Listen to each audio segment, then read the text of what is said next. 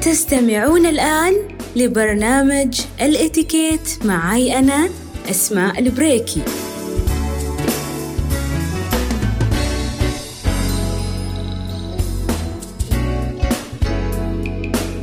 سلني عن الحب يا من ليس يعرفه. ما أطيب الحب لولا أنه نكد طعمان مر وحلو ليس يعدله في حلق ذائقه مر ولا شهد. مساء الخير والإحساس والطيبة. مساء ما يليق إلا بأحبابه الأشياء دايما تحلى بالمشاركة. أشكر كل من شاركني في اختيار موضوع الحلقة لليوم. طبعا حطينا استفتاء على الإنستغرام على أساس يختاروا المتابعين ما بين إتيكيت الحب أو إتيكيت الصداقة. وكانت نسبة اختيارهم الكبيرة على اتيكيت الحب. من قال إن الحب انكسار. من قال إن الحب ذل وألم وجروح. من قال إن الحب أنانية وغيرة. ترى الحب من أجمل الأمور في الحياة. الحب تبادل. الحب عطاء وإخلاص. الحب مودة وانسجام وتناغم. عزيزتي هل الحب مهم بالنسبة لك؟ عزيزي هل تسمح للحب يكون في حياتك؟ وهل يا ترى إحنا نشوف العالم من منطلق الحب؟ يقولون لولا وجود الحب في حياة الإنسان لضاع المعنى من الإنسان ولضاعت أحلام الإنسان ولضاع الإنسان كله إذا ما هو الحب اللي يخلي حياتنا حلوة واللي بدونه إحنا نضيع اسمعوا مني هالقصة في أربع رجال كانوا رايحين للغابة يستكشفون وفجأة حسوا بالتعب والجوع. لقوا أمامهم كوخ بسيط. دقوا الباب وفتحت لهم سيدة البيت. ألقوا التحية عليها وطلبوا منها بعض الأكل والشراب. اعتذرت لهم وقالت إحنا ما نقدر نستضيفكم أنتوا الأربعة بحكم عيشتنا البسيطة وقلة المؤونة اللي عندنا. نقدر نستضيف واحد منكم فقط. لكن قبل هذا عرفوني على أسماءكم. قال لها الأول أنا اسمي الحب. قال لها الثاني أنا اسمي السعادة.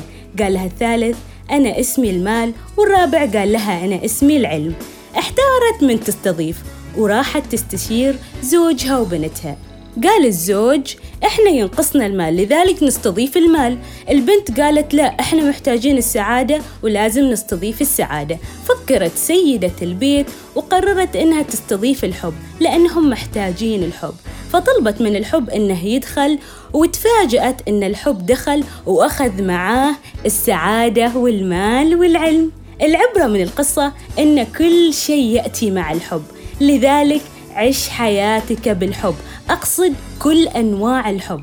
حبك لله سبحانه وتعالى وتوكلك عليه في كل أمورك. حبك للرسول صلى الله عليه وسلم اللي سيرته مليئة بمواقف الحب ولنا وقفة في ذلك. أيضا حبك لنفسك. حب نفسك علشان تحافظ عليها وتحافظ على كرامتك وكيانك. حبك أيضا لأهلك. عش بحبك لوالدينك باحترامك لهم ببرك وإحسانك لهم. أيضا عش بحبك لأصدقائك تواصل معاهم لا تقطعهم. عيش حياتك بحبك لزوجتك. قول لها كلام حلو تغزل فيها دلعها وانت بعد عيشي حياتك بحبك لزوجك.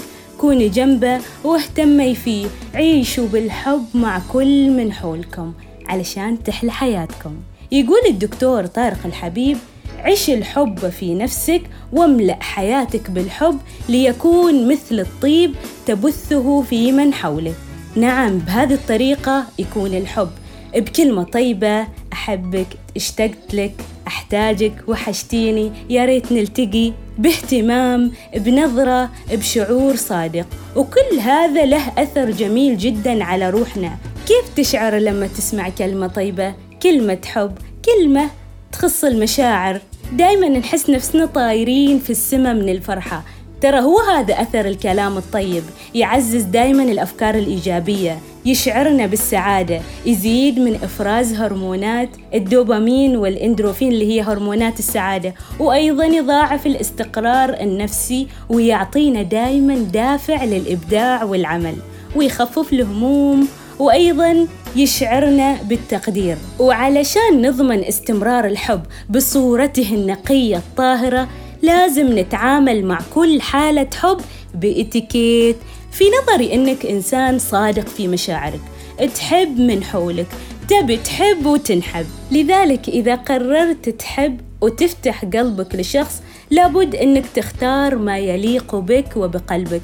دايما أختار القلوب الحنونة اللطيفة اللي تهتم دايما بالجوهر ولا تهتم بالمظهر والأمور المادية والمستويات الاجتماعية موظفة سكن تجاري خليكم من هالسوالف. ولا تجعل أوهامك وسذاجتك تجبرك على التمسك بأشخاص غير صادقين. دايما يحسسونك أنك إنسان عديم الكرامة وضعيف الشخصية. وإذا كرروا إساءاتهم لك أبدا لا تقبل مبرراتهم ولا تتجاهل حقيقتهم المرة. حب شخص كريم المشاعر. لا تحب اللي يستغل مشاعرك وطيبتك ودائما تصادفني مثل هال أو سمعت مثل هالكلمات من الشباب سواء أو من البنات. والله هو ما يقول لي كلام حلو هو بس هات هات هات وأبدا ما يعطيني. بخيل المشاعر. لا تظلم نفسك مع شخص مهمل قليل الاهتمام يفقدك الإحساس بحلاوة الحياة ولذتها. إحنا نحب علشان نعيش بسعادة. لذلك من يحبك بالكلام حبه بمقدار كلامه بالضبط. ومن يحبك بأفعاله حقق له كل أحلامه شبيك لبيك وأنا بين يديك. لا ترفع سقف توقعاتك في الأشخاص. لربما تصادف شخص متمرس في الكذب والنفاق لذلك ابتعد عنهم ولا تؤذي قلبك. لا تؤذي قلبك. واعلم أن الله سبحانه وتعالى لم يخفي إحساسا بقلبك إلا ليظهر بعده إحساسا أجمل وأقوى لمن يستحق. استوقفتني بعض القصص منها قصة بنت تقدم لها شاب وتمت الخطبة والزواج وعايشين في سلام وأمان على أساس أنهم راضين عن بعض. فجأة الزوج يقول لزوجته والله أنا ما عجبتني أسنانك توك تشوف أسنانها ووصلت المسألة للطلاق أنتم متخيلين؟ والثانية تغيرت على صديقتها من أيام الطفولة بعد ما سافرت تدرس برا عمان وقالت لها أنت ما من ستايلي أنا أتفشل أقول أنك صديقتي على فكرة لا تقبل أن تقارن بالآخرين تماما. عالمك ظروفك عقلك أفكارك شخصيتك مختلفة تماما عن غيرك. اللي يحبك يقبل بك مثل ما أنت بكل حالاتك. وارد أنك تخطأ في حق الناس اللي تظن أنهم يحبونك ويعزونك ويصير أنهم يخطئون في حقك أو يسيئون فهمك. لذلك لا تكثر من معاتبتك لهم. إذا كنت في كل الأمور معاتبا صديقك لم تلقى الذي لا تعاتبه. يعني لا تكثر عتاب لأن إذا كثرت بعدين ما بتلقى حد تعاتبه. دايما لازم الناس اللي تشعرك بأنك أرقى وأجمل اللي يعرفون كيف يرسمون ابتسامتك في عز ألمك اللي يسعون لراحتك ورضاك. القلوب الفاخرة اللي مثل قلوبكم وقلبي ما نبحث عن الحب فقط. نبحث عن العواطف الصادقة القلوب الراقية النفوس الصافية. لذلك دايما حدث قلبك قلبي الراقي قلبي الفخم. أنت ما تستاهل الحزن واللي يروح منك يروح من نفسه.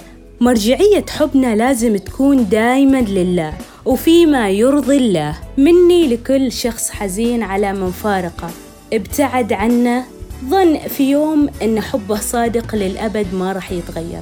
أعتذر لكم بالنيابة عن هذيل الجهلاء اللي سرقوا حلاوة ابتسامتكم وكانوا سبب في إن حياتكم تكون باهتة. تعمدوا إنهم يخلونكم تتعلقون فيهم وبعدها غابوا بدون سابق إنذار. ترى إتيكيت الحب يدربنا على كيفية التعامل بذكاء مع العواطف. نعرف نفرق بين العواطف الإيجابية والسلبية بين الحب الدفء التسامح الطيبة الصدق وبين الكذب والنفاق والتكبر والأنانية وانغلاق الفكر.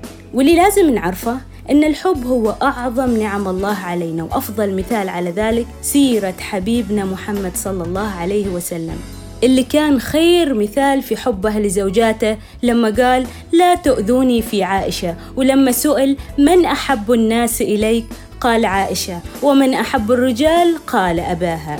واللي حاب يطلع على نماذج في أسمى معاني الحب يطلع على سيرة الرسول صلى الله عليه وسلم اللي حبه ما كان كلام فقط وإنما أفعال أسست قواعد الحب الحقيقي. وأيضا حبه لأهله وأقاربه. ومنها لما قال لابن عمه عقيل بن أبي طالب يا أبا يزيد إني أحبك حبين. حبا لقرابتك مني وحبا لما كنت أعلم من حب عمي إياك. وشمل حبه أيضا كل الجمادات الوطن وأيضا جبل أحد. اللي قال فيه أحد جبل يحبنا ونحبه. قلبك ما زال يتألم قلبك مجروح قلبك ضايق به الكون قلبك منهار لا سمح الله. ابدأ صفحة جديدة مع قلبك. قدر عقلك صن كبريائك وكرامتك. وإذا وصلت المرحلة مع أي شخص كان يحبك وفجأة تغير عليك بدون سبب أو عذر وكنت محتار ما عرفت تقرر يا تفارق يا تحب. دايما اختر الحل الصعب. فكر بقلبك مرة وبعقلك مرتين.